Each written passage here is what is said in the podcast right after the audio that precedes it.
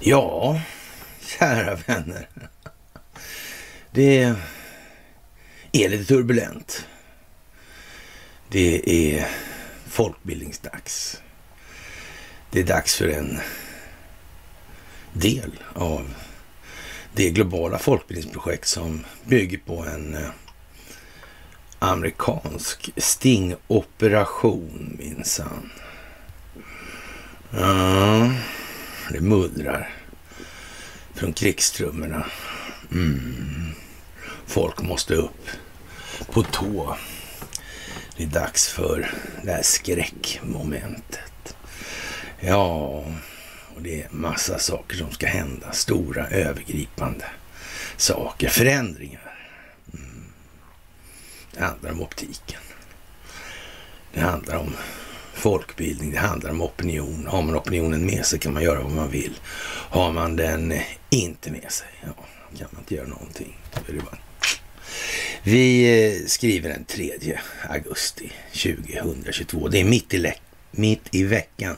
Det är en eh, piglördag. Det är dags för ett onsdagsmys. Ja, fantastiskt. Vi har ju sagt det under en rätt så lång tid att vissa instanser, sådana här övergripande statliga instanser måste bort eller reformeras om ifrån sin nuvarande karaktär och funktion och omfattning. Ja, ja det är ju så. Men först, ni ska ha ett tack. Ett jättetack för att ni är som ni är. Ni är den förändring som vi vill se i vår omvärld. Ni utgör förändringen. Det är fantastiskt. Det är helt fantastiskt. Ni ska ha tack för gåvor på Swish och Patreon. Ni ska ha tack för att ni fördjupar er på karlnorberg.se och ni ska ha tack för att ni hakar på Telegramtjänsten. Och vidare naturligtvis att ni sprider de här underbloggarna och deras så att säga budskap som kanske är något lättare att ta till sig för ja, folk i gemen som inte har kommit så långt i förståelsen av det här spelet och det här utvecklingsförloppet. Mm. Som sagt, ett stort tack. Ja, det har ju primats ett tag för att de här förändringarna ska komma och att vissa element måste liksom rökas ut, ja, formateras om eller så att säga göras om. Mm, reformeras helt enkelt. Det måste bli så, ja. FN är ett sådant organ, det har vi pratat om exakt hur länge som helst alltså. Ja, och nu kommer det en reform av FNs nyckelorgan föreslagen i Moskva då. Och eh, Alexander Drobinin föreslår att rådet utökar representationen av av afrikanska, asiatiska och latinamerikanska länder. FN är i stort behov av reformer och säkerhetsrådet måste demokratiseras genom att utöka sin representation, har det ryska utrikesministeriets tjänsteman Alexej Drobinion Drobinin skrivit i en huvudartikel, en ledare alltså, som publiceras på onsdagen idag.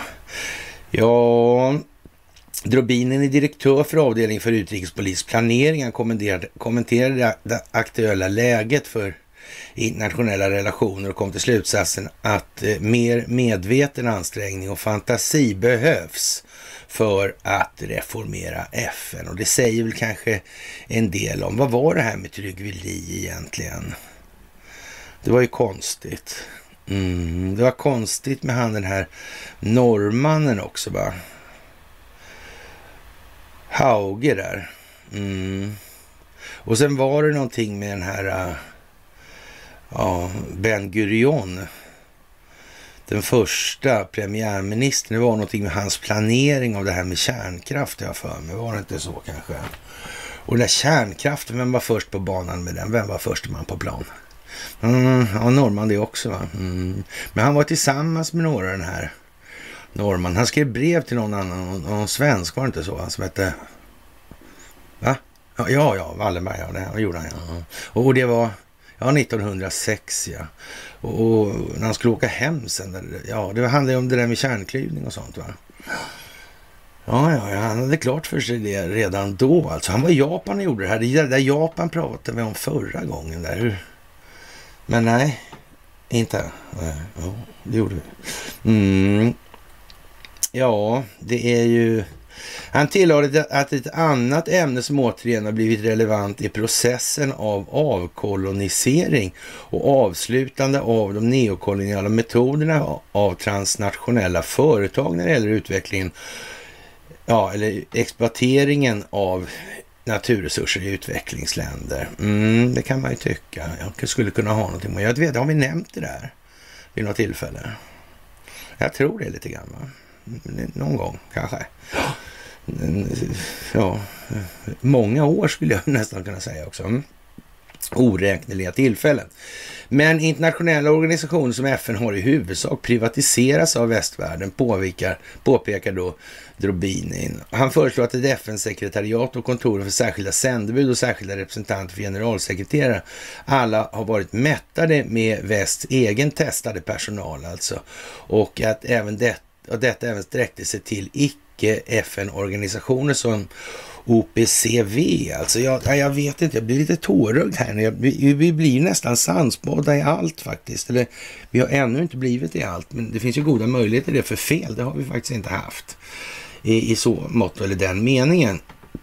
Och, och, det är klart att om de här FN och sådär var redan från början med Tryggve och Hauge och det var så att säga spel för gallerierna redan då, då, då kan det ju faktiskt ligga en poäng i vad ryssarna säger i det här. Mm.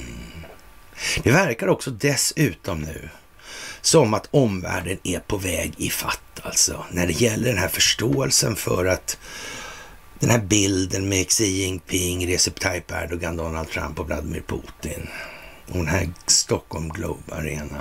Det verkar på något vis som att man har uppfattat det som att det finns en medvetenhet om att den djupa staten existerar i, ja, i princip alla andra länder. Det har man börjat göra på flera håll nu, internationellt. Mm.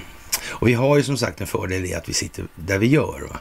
Men, men det är inte samma sak som att vi inte kan eller att vi kan vila på hanen och, och slappna av. Vi måste visa att vi är värda vårt salt helt enkelt.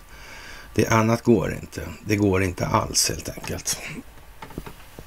Ja, det tråkigaste är den här rosten tär på FN-systemets heligaste säkerhetsråd, skriver Drobinin. Den nedvärderar innebörden av vetorätten som grundar som grundarna gav de permanenta medlemmarna av säkerhetsrådet med ett enda syfte att förhindra att någon av stormakternas intressen kränks och på så sätt rädda världen från en direkt sammandrabbning mellan de som i kärnkraftsåldern är eh, ja, kantade och katastrofala konsekvenser. Ja, som sagt, vad är det här egentligen i grund och botten? Som sagt, syftet bakom skapandet av FN alltså vid den tiden i anslutning till Washingtonförhandlingarna, i anslutning till Bretton Woods, i anslutning till uppkomsten av det kalla kriget. Och den här Ben Gurion, han, han var ju redan 1946-7 så var ju han inne på det här med, då hade ju knappt bomberna landat i Hiroshima och Nagasaki. Vi ska komma tillbaka till det här med terrorbalansen. Vad är det för någonting egentligen?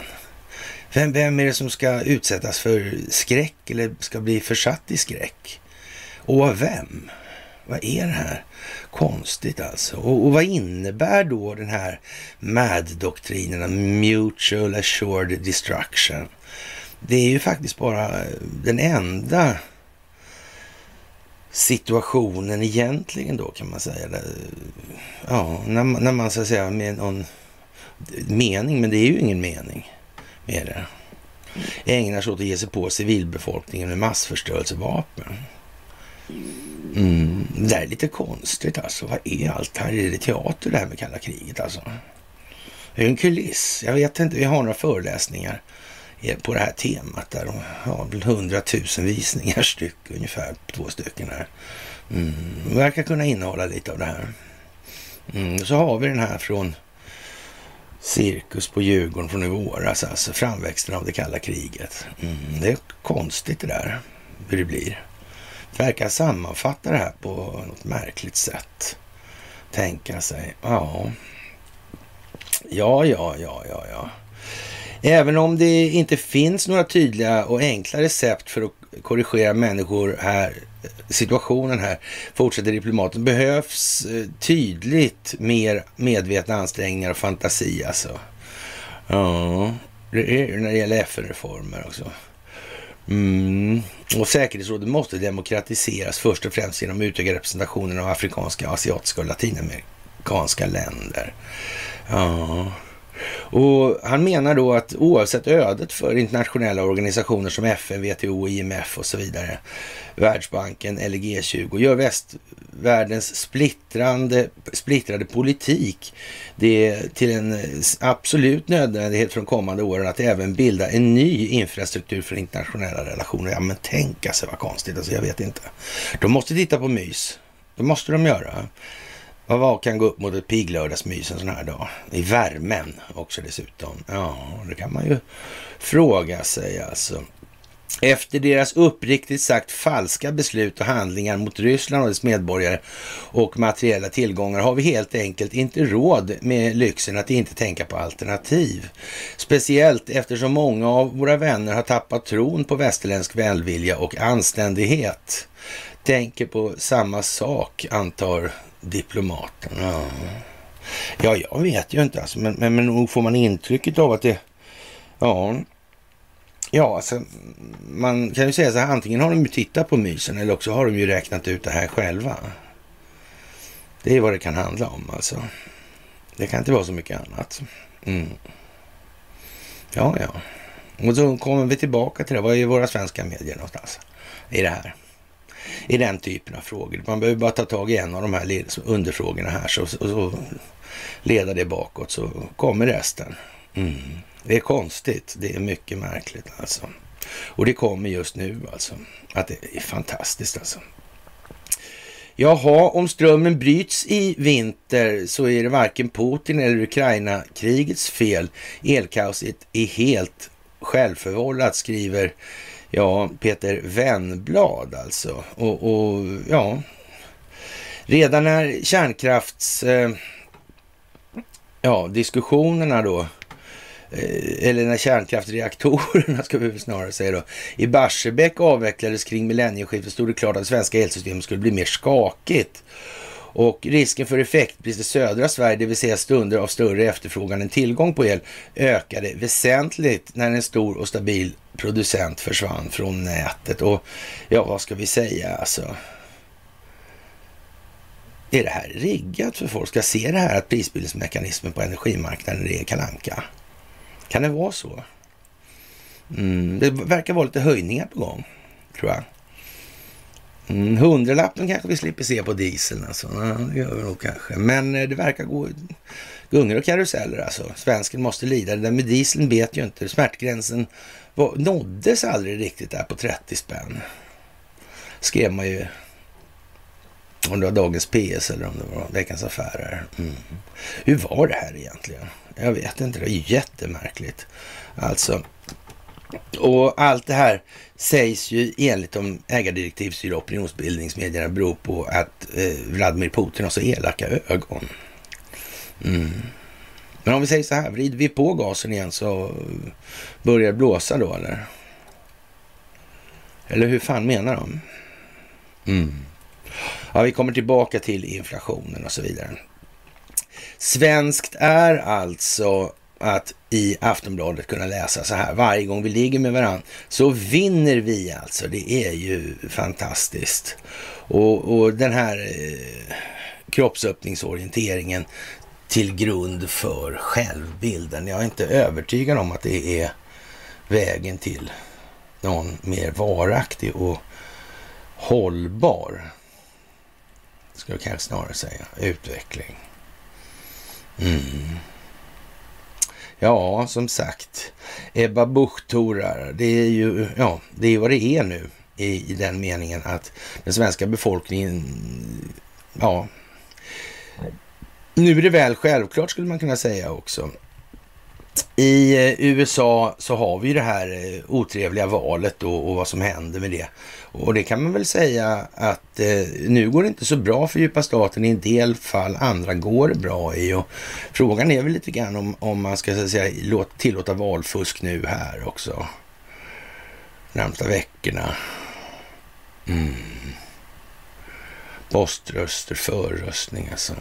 Och sådär. Mm. För att skapa grund för en militär intervention alltså. Mm. Någon som förlorade.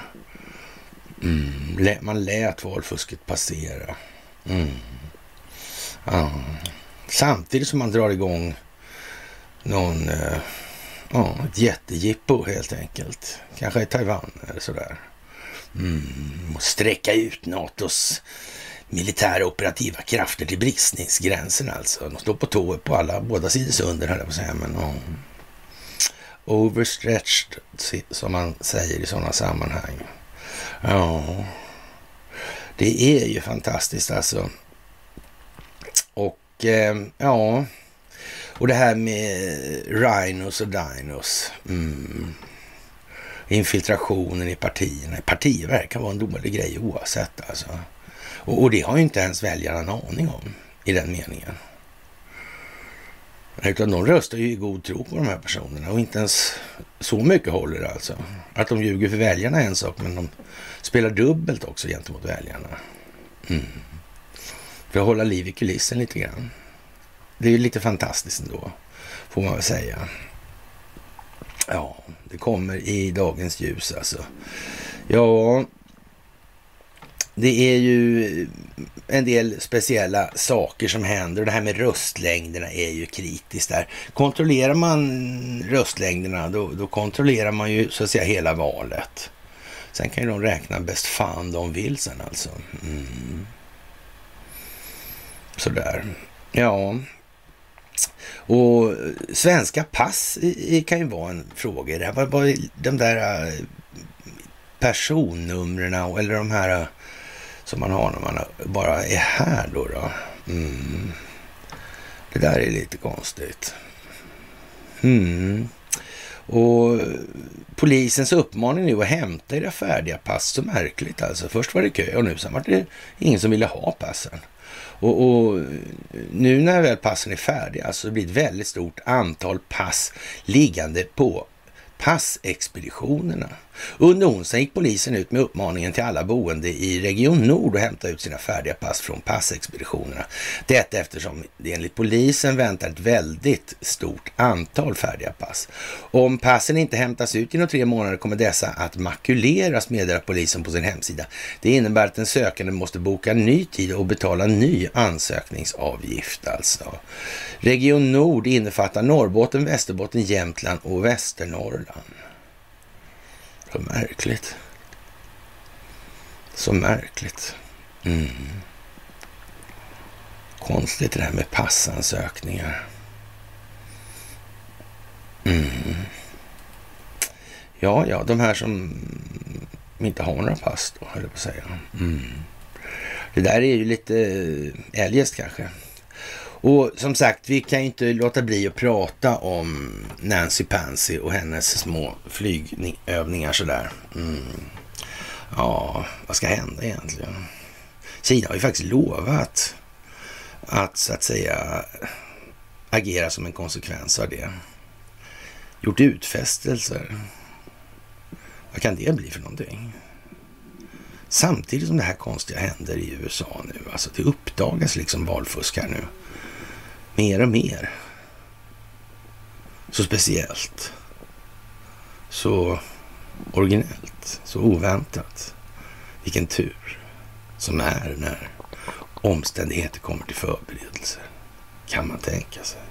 Kan man tänka sig. Visste ni förresten att eh, högkvarteret hade en anläggning på Skeppsholmen på mitten där. Undrar om de hade in och utgångar på den jäveln alltså. ja, det var konstigt. Mm. Det var konstigt. Ja, fem timmar från att kineserna drar igång sitt militära svar på Nancy Pelosis besök i Taiwan. Mm. Det var ju en stund sedan det här. Men... Så det är väl nu. Och nu får vi se. Mm. Det kan bli dramatik. Det kan bli mys flera dagar till den här veckan kan man säga. Efter det här myset. Det händer saker. JP Morgan, den här firman som det är John Pierce Point Morgan i grund och botten då, de där med Titanic, det här systerfartyget till Olympic och hon som krockade med den där HMS Hawk. Ja, ja, ja. Det där verkar vara en skojfirma, där JP Morgan. De har alltså manipulerat eh, då eh, de här, ja så att säga, metallmarknaderna hur länge som helst. Det höll på att säga, det är nästan så för århundradet. Ja, det är i alla fall väldigt länge. Mm. Vad ska man säga? Fantastiskt kanske. Fantastiskt, men det är kanske inte så mycket att förvåna över. Jag tror vi har talat om det rätt många gånger faktiskt. Jaha, och när då den här äh, partnern, strategiska partnern till CNN då uh, skriver om, om Dianas tolvordsvarning till Camilla Parker Bowles då. Och, och, jag vet inte faktiskt vad jag ska säga om det där. Det är ju lite lustigt alltså. Och när Charles tar emot pengar av bin Laden, al-Qaida då. Och, och, så kommer det här samtidigt då från den strategiska partnern. Och, och det är någonting så potentiellt omvälvande att ingen har en aning, om inte har någon aning om vad det här egentligen är för någonting och vad det innebär. Och, och prins Charles, han var ju otrogen då med Camilla Parker Bowles under äktenskapet med prinsessan Diana och det fick Diana att konfrontera Camilla på en fest och varna henne enligt Daily Record.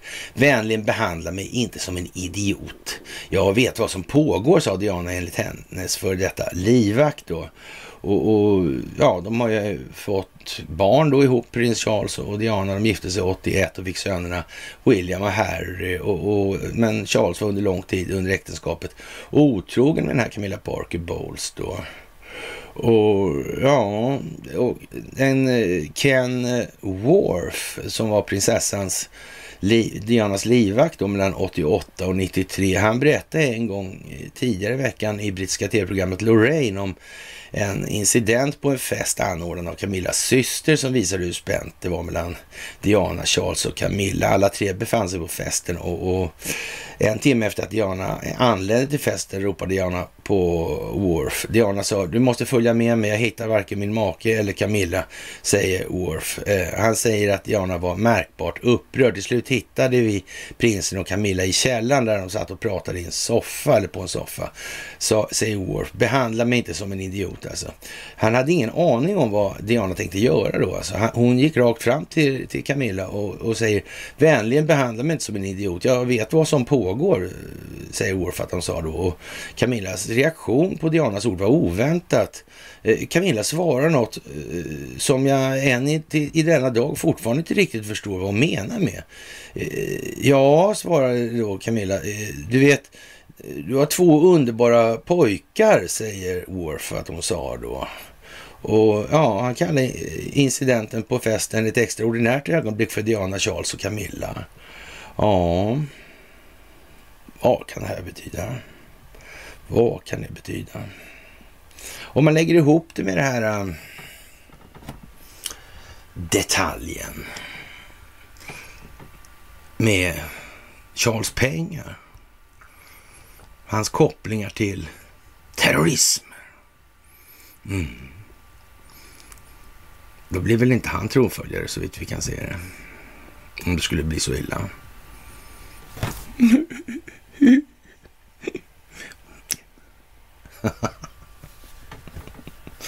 ja, men eller hur? Det kan ju vara så. Men om det visar sig så och hon... Eh, Diana, Diana där som, som eh, har två underbara pojkar, vilket då... Eh, ja, Camilla Parker Bowles påpekar. Mm.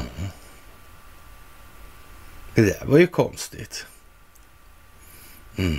Och en är ju inte med i den där familjen längre. Nej, just det, det är han inte. Nej. Nej, just det. Mm. Tänk vad konstigt det där är. Det skulle kunna tolkas som att det skymmer för Buckingham Palace. Det skulle kunna tolkas som att offshore banksystemet och dess fögderi, dess jurisdiktion är utsatt för en rätt så rejäl och påtaglig funktionsmässig förtroendekris nu. Det skulle man nog kunna säga, ja. Det skulle man nog kunna säga. Mm, men vi får väl se vad det blir. Ja, det är som det är alltså och eh, man kan travestera We're not drunk yet, Mr State Secretary. Kennedy, just precis ja. Jaha, det är kris i Sverige. Matpriserna rusar. Största ökningen på 47 år i Svenska Dagbladet. Och det är ju fantastiskt det här måste jag säga. Det här att eh, det är så mycket mer betalningsmedel som flödar in i ekonomiernas reala delar då alltså till matvaruhandelns konsumenter då alltså som i, genom sin konsumtion då driver upp priserna alltså. Ja, och hur det här egentligen går till alltså. Det är lite oklart faktiskt. Men, men det finns naturligtvis eh, ekonomer i, från Stockholmsskolan som kan förklara det här, eller kanske rent av inbitna keynesianismer. Eller keynesianister. Uh, eh, ja, det är ju konstigt. Det är speciellt. Eller det är fantastiskt. Det är så det måste bli. Det är det här systemet det handlar om. Det är det valutafinansiella systemet, det monetära systemet som havererar på grund av sin skuldmättnad. Och det här känner ni till. Och det beror på att räntekomponenten skapar ett tillväxtkrav eftersom att det nominella beloppet innehåller inte sin egen räntekostnad. Det vill säga det uppstår ett latent växande underskott av likviditet. Därför måste vi ha tillväxt. Mm. Och på en ändlig planet, oändlig tillväxt blir jättebra. Eller ju mer det blir i finansiell belastning, desto mindre pengar eller likviditet blir det över till den reala delen av ekonomin. Det här är inte jättesvårt. Det är jättelätt faktiskt numera. Tycker alla snart. Jaha, och ja, eller hur exakt går det till när den här prishöjningseffekten uppstår som en konsekvens av en ökad mängd betalning? Måste ju, någon måste ju kunna förklara det någonstans alltså. Inflationen fortsätter att stiga inom OECD. Det är bara pumpar in pengar där i, som helt galet. Framförallt stiger priserna på energi och livsmedel. Ja, hur är egentligen de här prisbildningsmekanismerna? Hur, ser de ut och fungerar? Prisökningen på livsmedel är den största på 47 år alltså. Och i OECD-länderna ökade inflationen till 10,3 procent i juni mätt på årsbasis. Det framkommer av ett pressmeddelande från den internationella samarbetsorganisationen. I maj var siffran då 9,7, ökningen i juni den högsta sedan 1998 en tredjedel av organisationens 38 medlemsländer uppmätt en tvåsiffrig inflation. Det är den högsta nivån sen, som, eller som, den högsta nivån sågs i Turkiet med 78,6 procent. Lägst inflation, eh, ja, mm, ja, hade Japan då med 2,4 procent. Ja, Mm. Matpriserna fortsätter att öka kraftigt och i juni var ökningen 13,3 procent, vilket är den största sedan 1975. Priser på mat har skjutit i höjden världen över som en konsekvens av Rysslands invasion av Ukraina tidigare i år. Vojne, vojne, vojne liksom. Ja, det är för jävligt alltså. Det gör, när just det här liksom, den militära interventionen gjorde att det fullkomligen exploderade med likviditet i alla världens ekonomier. Det bara sprutade in pengar där alltså. Eller? Mm. Kanske det är dags, inte? Jag tror det, jag tror det, jag tror det. Det verkar, exemplen är rätt klara då så att säga. Kriget har även påverkat den globala inflationstakten på flera sätt. En kategori som har ökat allra mest energipriser som i juni gick upp 41 procent mätt på årsbasis. Månaden innan var det 35 procent. Det försämrade omvärldsläget pressar världsekonomin hårt enligt samarbetsorganisationen som i juni skrev ner sin tillväxtprognos från 4,5 till 3 procent alltså. Ja, det är ju fantastiskt det här. Jag vet inte riktigt vad man ska säga. Kanske är det dags att ta tag i det här inflationsbegreppet lite grann mentalt för fler människor. Alltså. Inflationen igen, alltså det är ju för jävla konstigt alltså. Ja, som sagt, pengarna formligen väller in bland oss vanliga människor som försöker överleva i realekonomin. Jag vet inte. Ja, det måste liksom eh, bita det här snart tycker man. man, man kan inte, det kan ju inte gärna fortsätta. Alla, ja, men det är svårt att släppa. Hörnflaggan. Komma in i matchen. Hörnflaggan. Ja, de egna, egna känslogrundande värderingar. Ja, jag ska bara tänka lite på mig själv mer än på alla andra. Mm. Ja, så är det ju naturligtvis. Jaha, och vad kan det här leda till för någonting? Vi tar vårt paradexempel. Det finska vi börjar med det också i och för sig dolda paradexemplet, som, men som är eh, samma styrning på. Det finska telekombolaget ska tillhandahålla utrustning från sin AirScale-portfölj. Parterna har redan tidigare arbetat med varandra. Det är när Nokia och Ericsson tecknar ett 5G-avtal med telekomjätte i Indien. Och, och, vad kan det här eh, utmynna i för någonting? Hur är det med det här Ericsson-företaget? Är det liksom någonting som Ja, det är ett nationellt säkerhetsintresse för USA, säger ju då Mike Pompeo. Mm. Det är ju konstigt. Hur kan det komma sig? Hur kan det komma sig? Och det här Bharti Airtel då är ett indiskt multinationellt telekommunikationsföretag baserat i New Delhi Avtalen med Nokia och Ericsson kommer efter att Indien slutfört aktionen av 5G-spektrum. Vad ska man göra sådär för? Vill man inte bli av med Ericsson kanske man inte behöver. De tappade 1400 patent i Ryssland som beställde jättemycket sista åren. Varför gjorde de det för? Kan det vara överenskommet? Kan det vara strategisk planering bakom det här kanske? Mm. Hur blir det här egentligen? De lämnade någonstans och Ryssland gjorde de det? Nej. Mm. Det där är ju konstigt alltså. Och, och, den som tar de här patenten, det, det kan ju ryska staten göra, dela ut till dem de vill då. Ska Ericsson stämma resten av omvärlden? Mm. Som Kina och Indien kanske också förresten. Mm. Kan det vara så? Mm. Men det är tur att eh, Huawei har ordnat det med 5G-nätet i USA. Och om man har insett det från kongress och senatsidan, man måste göra någonting åt det, kan man inte ha ett, en enskild part som kontrollerar verksamheten på det viset. Det går inte. Nej. Nej. Då, så, då vet man ju det i alla fall. Mm. Och i det här finns Samsung också inblandat. Konstigt alltså. Mm. Nokia, Ericsson och Samsung här. Mm. Men Samsung är nya, men det är ju inte Nokia och Ericsson alltså. Ja, de har hängt i där länge. Ja, vad kan det muna ut i det där? Kan det vara en liten uppdelning kanske? Sådär. Jaha. Och det här avtalet är säkert väldigt löst formulerat också tror jag. Det tror jag säkert. Mm. Ja, kan man säga. Den djupa staten utan kärna, den är ju bara ner liksom. Kan man säga. Mm. Och eh, ja, eh, det här med Nancy Pelosi då och, och ja, Publikationen Washington Post noterar att Pekings reaktion på kongressledamotens besök kommer att ske gradvis i veckor, månader och år, inte bara på det militära området. Det kunde man inte räkna ut alltså.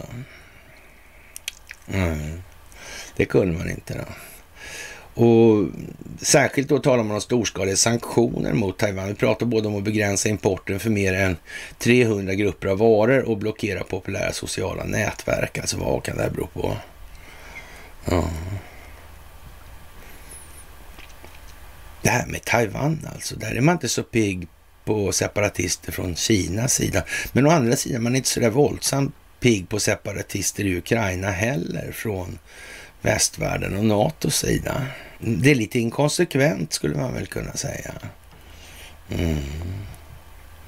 Det verkar som att det är upplagt för ja, dramatik, det kan man säga.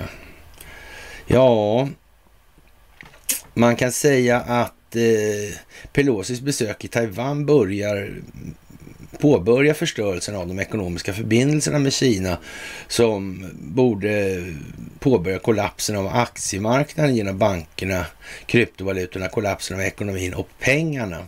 Alla misslyckanden och problem kommer att falla på Biden med Liberalerna innan Republikanerna kommer till makten med Trump med tre månader kvar alltså. I det här. Varför skriver man så där för? Ja. Mm.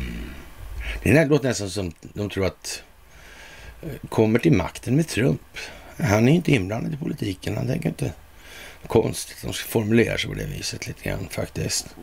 Ja, det var väl en fantastisk... Eh, ja, Pelosi var bara där i knappt ett dygn dessutom. Måste varit väldigt mycket gjort med avseende på det pådrag hon framkallade i den meningen. Så måste det väl vara ändå? Eller? Är det här någonting annat? Är det ett spel alltihopa? Kan det vara det? Mm -hmm. Jag blir osäker när det är så här. Ja.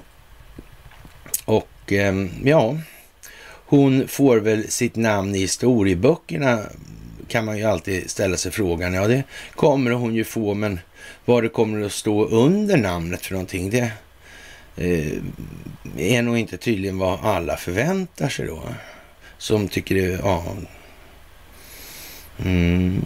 Fast å andra sidan kan vi ju till Nancy Pansis fromma säga att hon eh, gör ju sådana här grejer och det är os får ju Joe Biden att framstå som välgenomtänkt och så vid tillfällen i alla fall. Mm. ja, vad ska vi säga? Vad ska vi säga? Mm. Ja, och så var det det här med då eh, Arizona alltså. Och eh, primärvalen när det gäller då vem som ska representera. Det verkar precis som att den här Kari Lake eh, som ledde Enrico Laser då, då mm, vaknade upp till att någonting hade hänt. Alltså en glitch kanske. Det vore väl i så fall för jävligt. Vilken jävla signal. Tänk, tänk om det är så att militären har nu tittat på det här och, och så ordentligt med Space Force och hela. Mm. Och nu finns ju Space Force med i det här så då kan ju inte statsförvaltningen neka heller på det här viset. Nej. Nu har man ju så att säga den klara biljett som behövs för att agera då och ta hand om det här. I så fall om det är så. Eller om man inväntar någonting annat, det vet vi ju inte. Men eh, vi sa för länge, länge, länge, länge sedan då, då från början att innan det var tydligt vad Donald Trump höll på, på med liksom riktigt. Det där med Ericsson och sådär var klart på kampanjer så var det inte så mycket att... Men eh, det här med att han skulle samverka med resten av världen, det var väl inte liksom sådär... Eh, det kunde man i och för sig räkna ut eftersom det var samma Ericsson, men... Så det var väl inte sådär alltså. Ja. Mm, lite speciellt det här allt. Mm. Tänk vad lång tid det har gått alltså. Tänk så lång tid alltså. Ja, så har vi kommit hit nu. Och nu vecklas det ut. Fantastiskt.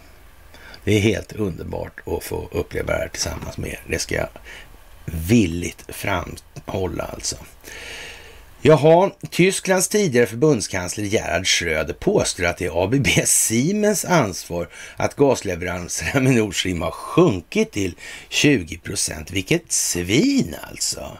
Och, och ja, han, han kommer på en, en briljant idé alltså. Och, Eh, vad ska jag säga här? Eh, David Nyström, han, han, tycker att det är en riktig bajsmacka egentligen, djupa starten på det här. Och, och det verkar nästan så alltså. Det, det, verkar lite grann att det är ändå åt, åt hållet lite grann sådär att det är, är, lite planerat. Så det är någon som har liksom tänkt till och liksom mm, mm. Ja, och, och, och, sen har man då kommit fram till olika sätt man ska hantera det här på. Eller en dator kanske till man kommit fram till. Eller kvantdatorer, alltså kanske någon Q, Q alltså sådär. Så mm, kanske det är en operation av något slag. Något Qanon har vi inte hört av länge nu i allmänna medier sådär. Ja, ja, men i alla fall, Gerhard Schröder då, han erbjuder lösningen på EUs energikris. Han tycker att eh, man ska egentligen sätta igång Nord Stream 2. Ja, det är väl ingen dum idé. Och, och rätt vad det är nu när det blir lite tråkigt och sådär och dyrt och såna här grejer för Tyskland. Då, då kanske den tyska befolkningen också tycker att det är en fin idé att sätta igång Nord Stream 2. Man vet ju inte riktigt i så mått. Då. Det kan ju vara så faktiskt. Mm. Det är fantastiskt alltså. Tysklands före detta kansler Gerhard Schröder har erbjudit den enklaste lösningen på Nord Europas nuvarande energikris. Slå på gasledningen Nord Stream 2. Den är klar att köra igång. Det sa han till Stern i en intervju på onsdagen idag. Alltså, den enklaste lösningen skulle vara att sätta igång Nord Stream 2-rörledningen. Alltså. Och, och, blir det riktigt snävt så, så, så finns den här eh, ja, rörledningen. Och med båda Nord Stream-rörledningarna så skulle det inte vara några försörjningsproblem för tysk industri och, och tyska hushåll, säger han. Det syns också, det hörs att han säger det här på något vis. Mm. Och, och den eh, där Nord Stream 1, den, hur var det med den? den? Det var ju Siemens problem där också då på något vis. Ja, de kunde inte få fram material eller till underhållet. Va? Och det var sanktionerna som gjorde det där på något konstigt vis. Mm. Och alla fick klart för sig att det var väldigt känsligt, så den är ju nere på 20 procent av leveranskapaciteten nu. Mm. Det är nästan som man, eh, ja, gör klart att eh, det är mycket bättre att vi kör, kör igång Nord Stream 2 nu så, så slipper vi det där chattret. Och sen är det ingen idé att vi går tillbaka och tramsar om det där mer. Nej. Och sen kan man ju alltid, kan man se, det skulle inte förvåna alltså om inte kanske tillgången på underhållsmateriel ökar av någon, på något magiskt vis då helt plötsligt. Så kan kanske båda ledningarna går med full kapacitet och sådär. Mm. Kanske det, kanske ja. Mm. Och innan det går något genom Ukraina kanske det eh, ska vara lite mindre korrumperad miljö i Ukraina. Man vet ju inte. Eh, de här energiföretagen verkar konstiga, de verkar ha exploaterats. Eh, hur är det med kärnkraften där egentligen alltså? Det här med ja, Bränslegatan 1 alltså. Mm. Ja, det, det är ju där det är konstigt alltså. Ja. Mycket märkligt. Faktiskt. Jaha, om man inte sätter igång Nord Stream 2 så får man helt enkelt bära konsekvenserna då. Och eh, det kanske inte är så roligt för alla. Och de kommer vara enorma i Tyskland också, säger Schröder. Och naturgasledningen Nord Stream 2 går under Östersjön, alltså som alla känner till här nu. Och, och bredvid den nuvarande i drift Nord Stream 1-rutten alltså. Och den här konstruktionen slutfördes i september förra året. Men det här kanske planerades en jättelång tid tillbaka rent ut sagt. Alltså. Mm. Man kanske visste att man skulle köra det här gigget i Ukraina. Mm. Majdan. Ja, kanske hade man avlyssning på alltihopa sen. Ja, tio år innan det åtminstone. Mm. Man kan väl säga att när plattformarna kom ut så hade man i alla fall avlyssning helt säkert. Men alla kanske inte talade om att de hade medhörning då, om vi säger som så. Nej. Det kan ju vara så. Man vet ju inte riktigt. Ja, och allt det här är egentligen Siemens fel då i Finspång till exempel. Och företaget misslyckades med att lämna tillbaka en turbin för, för rånreparationer i Kanada i tid. Ottawa lämnar så småningom tillbaka den här ja, tekniska delen då till Tyskland som hölls på grund av sanktioner mot Ryssland efter att ha böjt sig för påtryckningar från Berlin alltså. Ja, Som sagt, och Schröder var i Moskva förra veckan. Det blev ju tokigt det där va? Det blev inte så där jävla lyckat. Nej, det blev ju inte det. Och det här med orden, det är språket, det är semantiken, det är språkvården. Det är hur människor uppfattar, uppfattar signaler i sin omgivning. Äga sitt språk. Mm. Äga sina tankar. Ha ord att sätta på sina tankar. Både för sig själv och inför andra. Det där med att sätta ord verkligen på det sättet. Det gör ju att man så att säga fäster upp tankens fasthet. Det är bra. Det tar tid att sätta ord alltså. Det går mycket, mycket långsammare att uttrycka orden i tal än vad det gör att tänka dem. Mm. Det är ju så. Bra att tänka på nu faktiskt. Så ta tid. Tänk efter. Framåt och bakåt. Korstabulera åt sidorna. Krympflation är ju ett ord som man lanserar nu i medierna. Det är ett ord som vi körde för hundra år sedan kanske. Eller sådär. Men nu har det dykt upp i medierna i alla fall. Och det är naturligtvis då om inflation ska tolkas som prishöjning till sin betydelse så visst, absolut alltså. Ta lika mycket betalt och sänk mängden av varan man säljer. Mm. Det är samma sak, alltså det är en prishöjning alltså. Per enhet av varan. Mm. Men, men eh, är det verkligen... Eh, skulle den betyda då kanske vad. Alltså, eh, det kommer in mer pengar och då blir det så. Eller hur fan menar man egentligen här? Är det svårt? Jag tror inte det va? hur får vi folk att förstå det bättre? Hur får vi en tydligare bild? Ja, jag förklarar för er, ni förklarar för andra. Mm, det är så det går i det här. Och det finns ju ett och annat ämne att ta på i den här ja, folkbildningsinsatsen. Det är ju inte bara en sak, det är i princip alla saker och ur alla perspektiv. Det är speciellt alltså.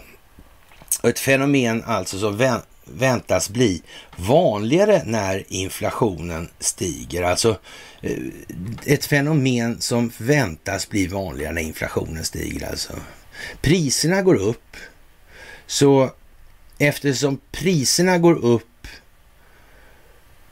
så tänker de minska mängden av varan som säljs till det här givna priset. Alltså, hallå? Är det någon som tycker att det här verkar ju eh, rimma illa med hur det möjligtvis kan alltså ens vara någonting annat än bara bluff hela skiten. Mm, det byggde ju på förtroende, då sa de inte det. Så det kanske är dags. Men som sagt, jag tror inte amerikanerna väljer att ta det spåret än. Jag tror de kör en lite annan linjedragning i det alltså. De kommer nog gå på sitt. Det är inte läge, även om man har kommit in på det nu ordentligt, alltså det här med att vi måste nog kanske ha en, eh, ja, samhällets bank då, vår gemensamma. Och den ska vara öppen och transparent, både externt och internt. Det måste vara en målsättning, men det där är man ju inte rent mentalt i USA ännu. Och, och man är inte här heller då, eftersom de flesta människor är ju faktiskt medvetna om att det här handlar om den falska solidaritetens altare som vi alltid har tillbett. Och, och nu kommer vi finna vårt eget välstånd offrat på detsamma. Alltså. Mm. Och, och det kan man ju inte säga, ja, det blir speciellt helt enkelt. Och Jaha, det är, med ökande priser så kommer det här bara att accelerera och bli värre och värre, säger konsumentexperten Maria Wisell alltså. Och eh, Nyström är i farten och, och, tycker att det är inte lika bra att ta steget fullt ut, alltså sälja en tom mjölkkartong för 100 spänn direkt. Så kommer vi ja, snabbare, det heter inte fortare, snabbare fram till slutdestinationen. Alltså det finns inget som heter fortaste nämligen. Så kompare, att komparera är bra alltså, eller komparation, jämförelse alltså. Ja, fantastiskt i alla fall. Det resonemanget är det viktiga. Det andra får man så att säga snygga till efter resan, efterhand som resan lider alltså. Mm. Men ju mer exakt vi avgränsar oss i tal och skrift, ju högre precision får vi på värdeladdningen i signalen. Alldeles säkert. Och därför finns det språkvård för att det här ska bli så oprecist som bara det är möjligt. Och det är därför det finns bankprosa. Sådana här begrepp som inflation till exempel, som alla nu kan se i det här folkbildningsprojektet plötsligt börjar framstå precis som vad det är. Ett rent bedrägeri. Så är det. Hur kommer det sig att det blir prishöjningseffekter? Hur egentligen ser den mekanismen ut? Att det teoretiskt kan, ja, mm, visst. Men om man tar Weimar till exempel, vem i helvete var det som tryckte sedlarna? Men var, vänta nu, Weimar var väl efter första världskriget va? Och vem ledde egentligen då det här? Först då försökte man ju med, med den här lilla killen med mustaschen med Hitlerprojektet där. Alltså det, försökte man ju där då i, i, ja, någonstans då 23 kanske då, i november, 10. Ölhask. Det gick inte så bra ja. Nej.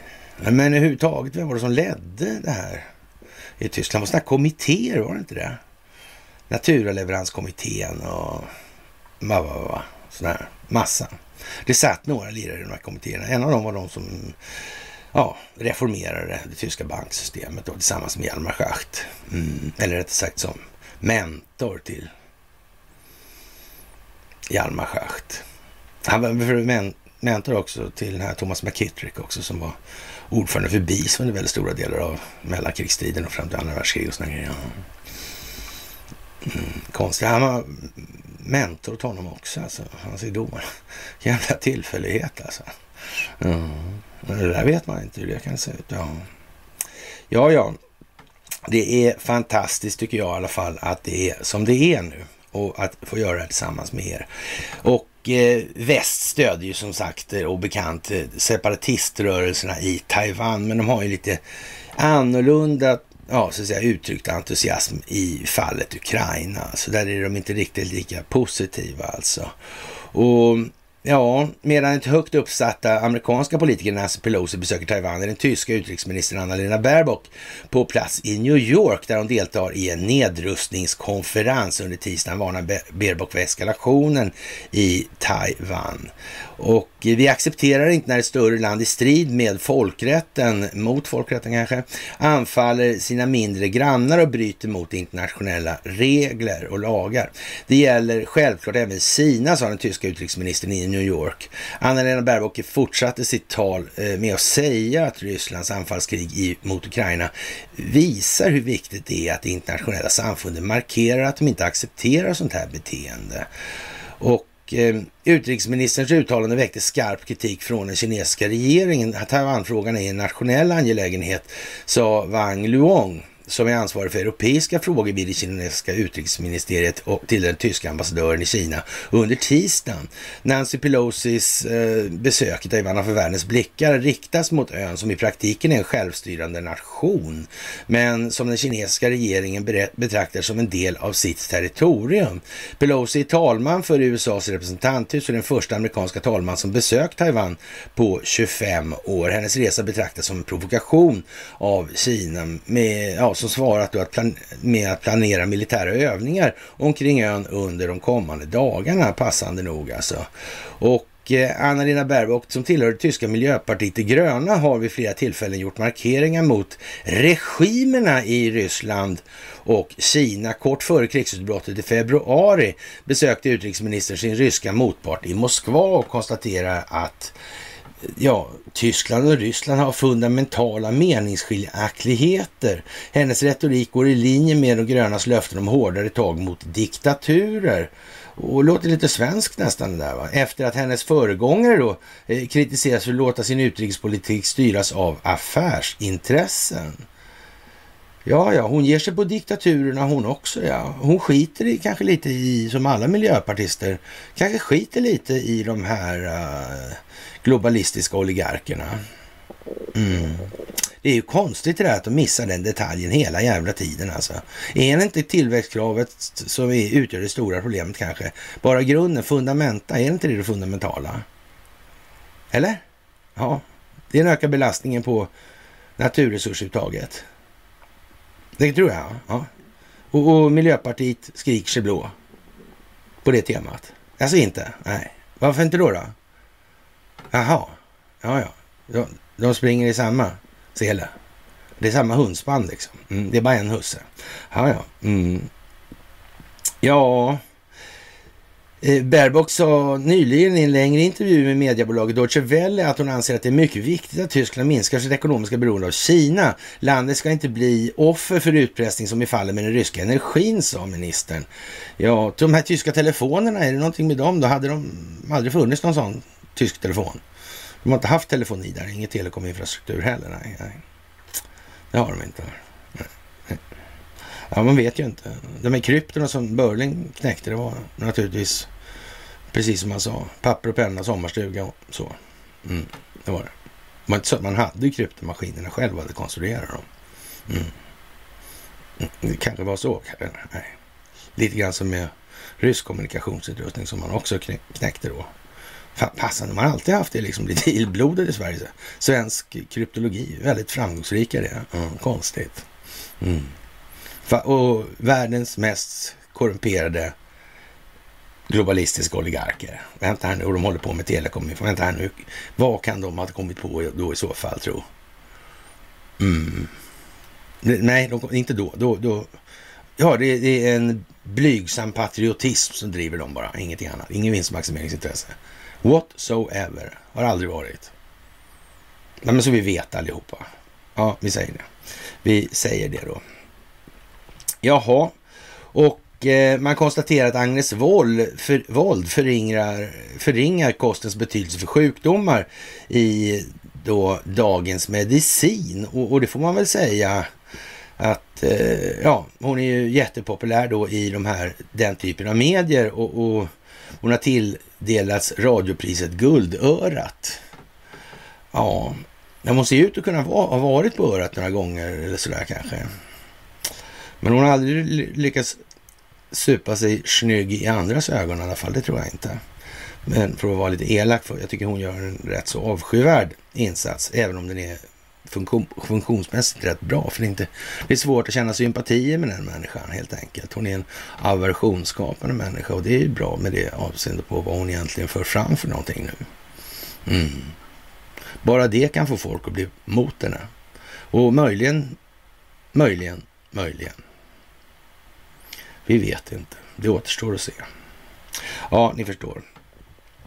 Och eh, USA röstar idag om svensk NATO-ansökan och, och, och, det där är ju lite speciellt faktiskt.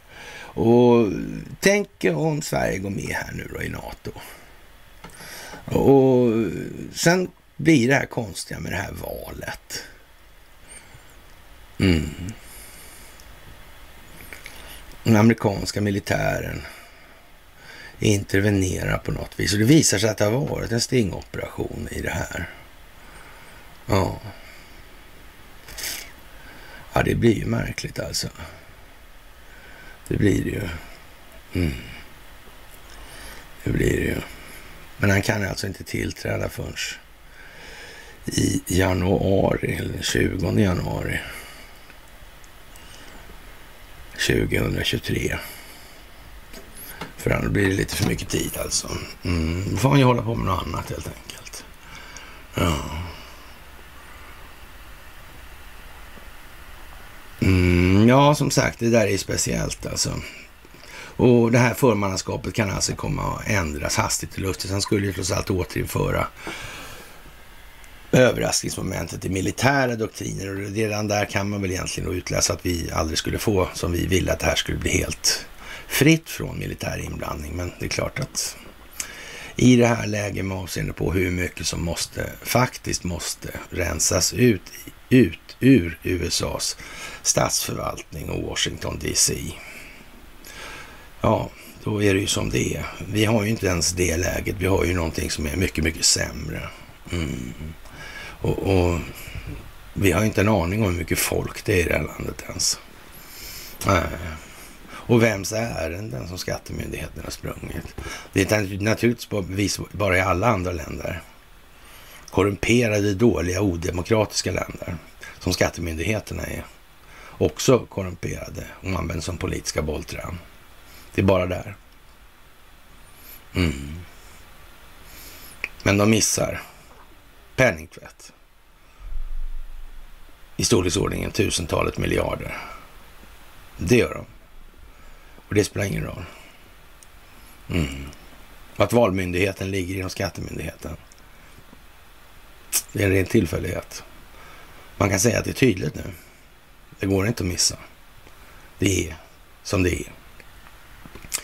Ja, så lite eh, ja, det här med Turkiet då och det är ju vad det är nu med NATO, inte minst med avseende på hur Langley har förhållit sig till Gulenrörelsen i det här. Alltså, och, och, Erdogan säger ju dessutom att Sverige är någon slags terroristinkubator. Mm. Och Mehmet Kaplan där med gråvargar och hej och hå, han var miljöpartist han också ja. Ja, ja, ja, ja, ja. Och sen får vi kanske då så här lite amerikanskt inrikespolitiskt militärmotiverande anledningar på amerikansk hemmaplan då. Samtidigt som den utrikespolitiska militära situationen blir liksom overstretched alltså sådär med Taiwan och Nancy Fancy Pansy och, och det här. Mm. Ja, det ser ut att komma dramatik alltså. Och då har vi ändå den skandinaviska scenen kvar, men det kanske måste vara så. Vet alla unisont utropade vi exproprierar Eriksson på vårt, vår kant. Kanske läge för den här, det här internationella samfundet som han, ryssen som vi börjar med, att den utövar någon form av internationell översyn, tillsyn över de här funktionerna och att det sker med ja, öppna, transparenta former. Kan det vara någon grej med det kanske? Ja. Eller? Ja, jag tror det. Jag tror det. Jaha, det är ju ganska speciellt då om USA ska gå i krig med Gud och hela världen eller fråga då sina allierade efter hjälp då och gå i krig mot Gud och hela världen. Eh, man kan väl säga så här att ambitionsnivån hos eh, svensken i gemen att eh, blanda sig i en storpolitisk konflikt i bortre Asien. Eh, ja, öppet alltså med reguljär, reguljärt alltså med eh, risk för att man får tillbaka med vändande post från närmare håll då. Jag menar om nu eh, Ryssland är att betrakta som en strategisk partner till Kina. Mm. Ja, det skulle ju inte förvåna alltså om Sverige helt plötsligt får ett annat geopolitiskt ja, märke liksom, eller innehållsförteckning. Jag vet inte. Kan det vara meningen? Mm. Det ska skitas i svenska brallan också, det är helt säkert. Mm. Alla människor som inte vill förstå, de ska bli sparkade ur fåtöljen med en jävla kraft i ryggen alltså. Det kommer inte finnas något att välja på. Det finns inte en möjlighet alltså. De kommer få tugga. Mark my words to the letter alltså. Det är bara så. Ja, Senaten röstar idag om hur man ställer sig till Sveriges och Finlands NATO-ansökningar. USA är det ledande landet i NATO, så det sänder en viktig signal, säger Dag Blank, professor i Nordamerikastudier. Mycket talar för den amerikanska senaten kommer att rösta för Sverige och Finland ska gå med i NATO.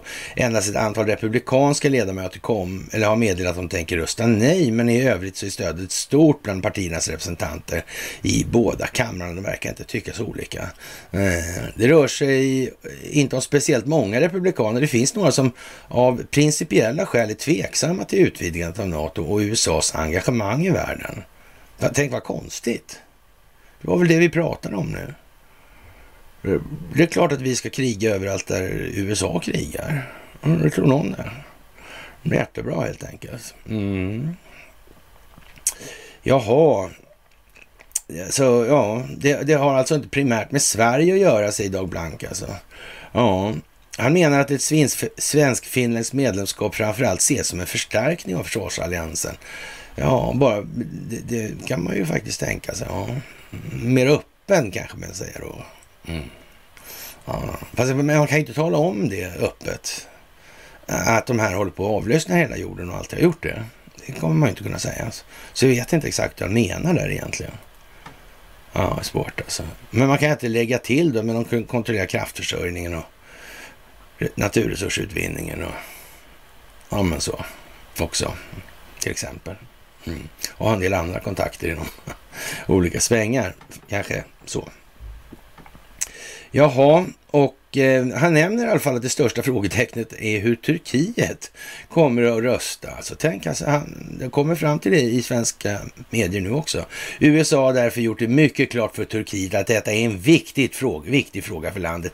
Möjligtvis har eh, Donald Trump och Vladimir Putin och eh, Xi Jinping och då naturligtvis Recep Tayyip Erdogan prata om det här. Jag tror den här bilden blir episk alltså. Jag tror det.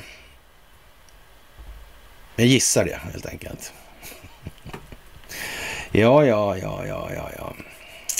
Det är fantastiskt alltså. Hittills har 20 och 30 NATO-länder godkänt Sverige och Finlands ansökan.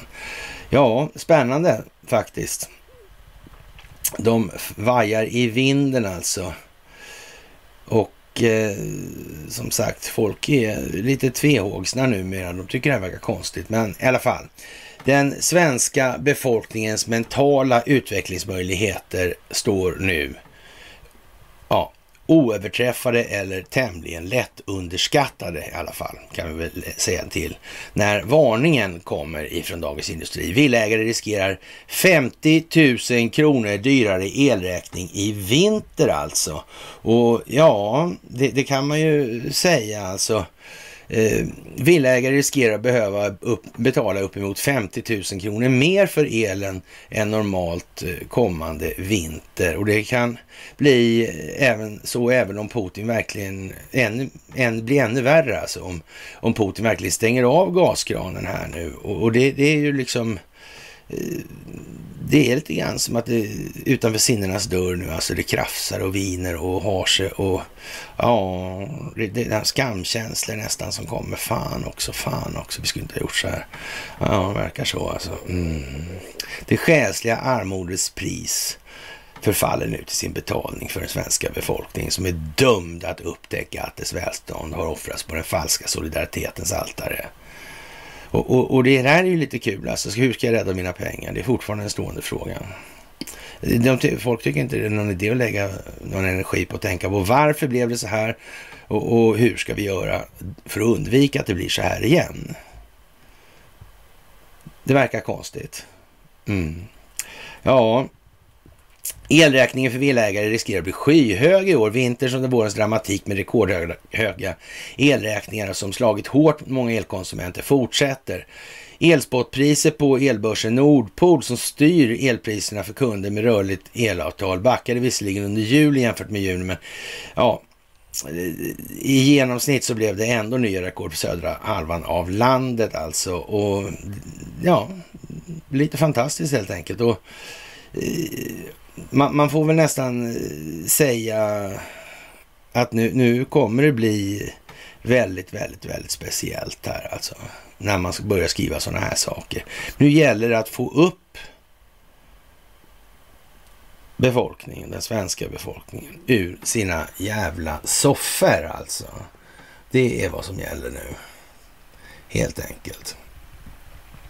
Ja, energikrisen i Europa förvärras för varje vecka som går och det är framförallt i vinter och kommande vintrar när konsumtionerna är som högst som situationen ställs på sin spets alltså. Och hur egentligen bildas de här priserna? Alltså, handlas den här energin? Alltså är det någonting vajsing med det också tror jag? För själva produktionen är ju egentligen vad den är. Men sen exporteras det också. Och sen har vi den här fantastiska frekvensstabiliseringen. Det vill säga att hålla balansen på lasten i nätet där. Och vad kunde man ju använda de här vindsnurrorna till det och göra lite vind istället då? Ja. Jag vet inte, är det kanske någon som har tänkt. Mm. De kanske faktiskt fyller ett skäl alltså. Mm. Jag är inte säker på att de ens varit meningen att från början. Det tror jag inte. Va? Mm. Det kan vara så. Det kan vara så, ja. Ja, det, det blir ju lite eh, tjurigt alltså. Det får man nog säga. Ja, alltså jättetjurigt om det blir nödvändigt. Och det får vi hoppas att folk klarar av att tänka till. Alltså nu är vi i alla fall nere i 50 000 då. 100 000 var lite mycket då. Sådär. Mm. Ja, ja, det blir så mycket det behöver bli helt enkelt. Det är det liksom inget snack om. Och eh, Hongkongs förvaltningschef kommer att stödja alla Pekings åtgärder för att skydda suveräniteten, Kinas suveränitet på, som svar på Pelosis besök i Taiwan. Och det, det, kan man ju tycka är lite tjusigt och gulligt av honom alltså. Uh, ja, hur var det där med Hongkong egentligen? Hur var det med Shanghai? Övervakningen, borgmästarens råd. Mm att lägga sig i Kinas inre angelägenheter som ett fåtal svenskar gör mm, på ett brutalt vis. Tänka sig, men jag vet inte. Jaha. Och, och, det kan man ju tycka är som det är helt enkelt. Och i Nya Zeeland höjs röster om ett namnbyte då eh, till Aotearoa och eh, Aotearoa eh, eller det långa vita molnets land som det skulle bli på svenska, kommer från Nya Zeelands urinvånare.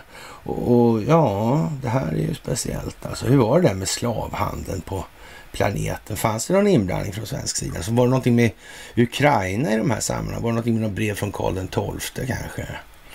Mm. Vad såg tsaren? Såg han? Tyckte inte det var något bra med de där då? Nej, just det. han tyckte inte det. Han hade dem ju på knuten i alla fall, så det är klart, var snodde de de här någonstans då? De sålde ryska på export de där alltså. På Krim och sådär. Mm. Det är nästan kriminellt. Mm. Så skulle man kunna säga alltså. Ja, för europeer blev landet Nya Zeeland alltså känt först 1642 när holländaren Abel Tasman, då var ju faktiskt eh, passerade området för Ostindiska kompaniets räkning, lustigt nog alltså. Eh, har vi hört talas om det där kanske? Jag vet inte. Det, det kan ju vara så. För förresten är inte den där eh, liksom eh, Nya Zeeland, Australien, där är inte de med i någonting. Det är ungefär samma sak som det här med Kanada var jag för mig. De har ju brittiska drottningar, de är monarkier i den meningen också. De har ju brittiska drottningen, hon som, där, som sitter med tronföljden i knät och, och har vissa problem med ätteläggarna. Mm. Det verkar som det. Och det här kommer samtidigt nu när man reser röster för det här alltså. Ja, ja. Det, det där var ju speciellt alltså. Och Ja, nu höjs röster för ett namnbyte. Bakom förslaget står bland annat Maori-partiet, ett litet parti som sitter i parlamentet. Enligt Wall Street Journal har över 70 000 namnunderskrifter samlas in. Det innebär att en parlamentarisk kommitté ska bereda frågan och eventuellt rekommendera antingen en omröstning i parlamentet, en folkomröstning eller inte vidta några åtgärder. Alltså. Ja, namnet i sig är alltså inget nytt utan används redan i dagligt tal samt även i officiella dokument. Alltså. Och några vill, eller många vill behålla Nya Zeeland. Det där är väl så att säga beroende på vilket informationsunderlag man har för sitt beslutsfattande i den frågan. Ska man behålla eller ska man kanske införa republik rent utav? Alltså ha en konstitutionell grund av något annat slag än en gammal, eh, ja, monarki från Axels glada dagar. Kanske. Ja, men vet ju inte riktigt där. Det är lite osäkert faktiskt. Faktiskt vad som kan vara bäst alltså. Mm. Ja, och man kan vara rädd för att en namnbyte kan förvirra turisterna. Alltså det skulle se ut som om BMW byter namn till Bavarian Motors, säger han till Wall Street Journal. En, en borgmästare här i Queenstown. Och premiärminister Jacinda Arden har tidigare sagt att något officiellt namnbyte aldrig varit något som undersökt, men uppmuntrar människor att använda namnet alltså. Ja, mm. det där är ju lite kul alltså. Det är lite kolonialväldiskt sådär. Det kan man ju säga. Och, och, ja, det är som det är. Sverige har ju bidragit med mycket så bra saker här på jorden genom historien alltså. Och en, en, av de bra grejerna är ju det här med RFSL. Alltså det har varit en fantastisk insats. Man bildade det här Planned Parenthood International som är världsledande på handel med fosterdelar. Det är ju faktiskt jättebra gjort alltså. Och, och RFSL är ju en, en sån här eh, ja, Pride-rörelse motor helt enkelt, skulle man kunna säga. Sådär. Och, och Talsi Gabbard är en eh, före detta demokratisk presidentkandidat som tjänstgjorde som kongressledamot på Hawaii. Hon är reservofficer och lite till sådär. Och hon kritiserade Biden-Harris-administrationen för att främja barnmisshandel häromdagen och anklagar Vita huset för att skada genom att släppa uttalanden som att man stöder användning av pubertetsblockerare och irreversibla operationer för barn alltså.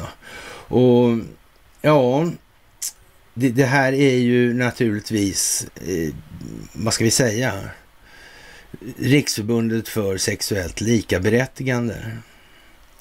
Ja, finns det inga olika parter så blir det ju bara en part och då blir det ju väldigt lika helt enkelt. Det är ju bara så.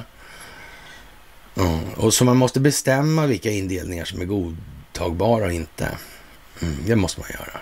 Vem ska bestämma det med vilket syfte då? Mm. Ja, ja, ja. Men hade inte George Soros sina fonder på, eller sin kvantumfond rättare, på, rättare sagt på SE-banken, hade han aldrig det? Daniel Sachs han sitter inte i Open Society Social, Globals styrelse, det gör han inte heller. Eh, Och Daniel Sachs syrra, han är inte gift med Marcus Wallenberg heller. Hej, hej. Då så, då vet vi. Inga problem.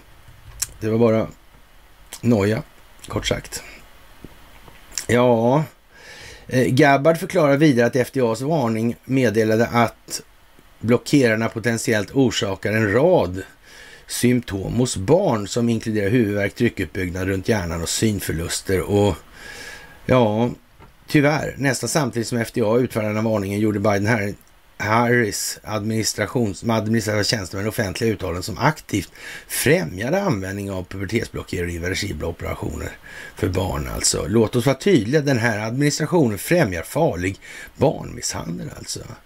I eh, början av juli meddelade FDA att pubertetsblockerare har en risk för att pseudotumör, cerebri, cerebri utvecklas hos barn som tar GNRH-agonister. Och det här kan man ju hålla på med då. Men, men eh, vad ska vi kanske sammanfatta det som att eh, eh man, den här oerhört, eh, vad ska man säga, Eh, till utseendet eh, speciella. Eh, det är hon alltså förresten, är, är hon ju alltså den här Rachel Levine, alltså Levine och biträdande minister vid Department of Health and Human Services. Och hon är naturligtvis ditsatt för att, eh, ja, för att människor ska tänka efter lite om det här är rimligt överhuvudtaget alltså.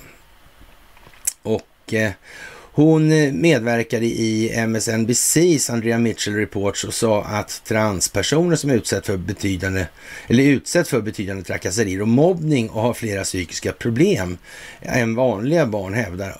Och hon hävdar att pubertetshämmare är livsräddande, medicinskt nödvändiga, åldersanpassade och ett viktigt verktyg för vårdgivare alltså. Så vi vill verkligen eh, basera vår behandling och bekräfta och stödja och ge dessa ungdomar möjlighet att inte begränsa deras deltagande i idrottsaktiviteter och till och med begränsa deras förmåga att få behandling till könsbekräftelse i deras tillstånd, sa Levine eh, till, ja, i det här då. då. Och ja, jag vet inte. Förutom pubertetsblockering kan könsbejakande vård även inkludera hormonbehandling och könsbekräftande operationer enligt faktablad från Biden-administrationen släppta av Health and Human Services. Det är ju jättebra det här ju faktiskt. Ja, myndigheten förklarar vidare att tidig könsbekräftande vård för transpersoner och icke-binära barn är avgörande för övergripande hälsa och välbefinnande eftersom det tillåter barnet eller tonåringen fokusera på sociala övergångar och ökar deras självförtroende. Alltså det här med självförtroende, det är ju någonting väldigt speciellt alltså. Vad är självförtroende för någonting? Vad är självbekräftelse? Vad är självbild. Vad är självkänsla? Det handlar om ord här alltså. Det är det. Det är det enda vi har i det här. Mm. Ja, självförtroende är ju någonting man tror om sig eller sitt själv. Lättast kanske översatt till en förmåga någonstans, i någon mening att hantera en yttre situation eller en utifrån uppkommen situation. Mm. Uppkomsten kan man själv vara del i, men så där kan jag hoppa så här högt eller kan jag lyfta så här tungt eller något sånt där. Mm. Det kan vara så. Självbekräftelse, det är väl en bekräftelse av självet då, så att säga. Sen kan självet se ut precis hur det nu vill. Det ser ut som det gör alltså. Det är ju en ögonblicksbild av själen över tid. Alltså ungefär som när yin och yang, där de vita och svarta fälten varierar och de här punkterna och motsatspunkterna blir större och mindre. Och, mm. Mm, det där är sådär. Mm. Självkänslan då, det är när man betraktar sin egen situation, alltså i självet, i en punkt över tid. Så uppfylls man av en känsla, man får en känsla av någonting. Fan vilken jävla ynklig människa jag är. Eller, ja, där är det övermod. Stolthet. Mm. Man ska nog hålla sig rätt mycket vitt sådär. Men utan, ja, svart så blir det ju inte mycket med vitt heller. Det gäller att hålla balansen. Och det gäller att utvecklas därför också. Vidga de själsliga åtävlarna hela tiden. En förkrympt själ. Det är både lite yin och, yin och lite yang. Så det är väl bra att tänka på faktiskt. Mm. Och det här har vi ju skrivit hur mycket som helst om i den meningen. Och vi kommer väl nu, vad som vad det lider nu framåt, att eh, bli mer eller mindre tvingade att diskutera i de här termerna för det ska bli begripligt för människor. Alltså det kommer vara typ det sämsta man kan göra. Alltså, men sätt dig ner och vänta på femte dimensionen nu här. Mm. Det kommer vara helt värdelöst alltså. Det kommer inte och, och samtidigt pågår rättegångar och så som man, nej, kom igen nu alltså. Var försiktiga nu med när ni väljer, det, det är bara så alltså. Jaha, och eh, ja, det verkar ju vara lite konstigt det här med den här Carrie Lake alltså. Jag vet inte. Det är lite déjà vu-feeling på det här alltså. Var det så? Ja.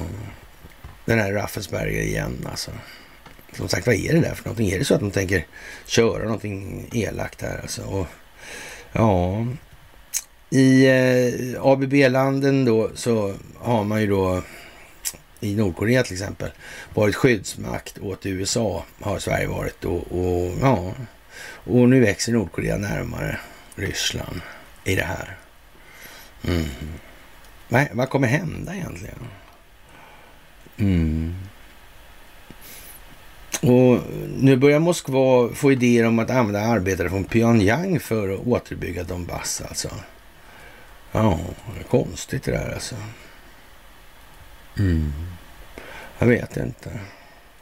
Det är klart att om man ska få någon stil på, på eh, Ukraina, ja, då måste man ju ha idéer om vad man ska göra också i det här. Faktiskt alltså. Högkvalificerade, hårt arbetande och rediga arbetare under de svåraste förhållanden kommer nordkoreanska byggare att vara en tillgång i den seriösa uppgiften att återställa den sociala, infrastrukturella och industriella anläggningar i Donbass som förstörts av de retirerande ukrainska styrkorna. Ja, det kan man väl tänka sig. Det kan man nog tänka sig, ja.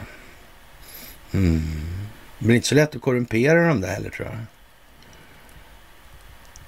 Man vet ju inte. Sådär. Mm.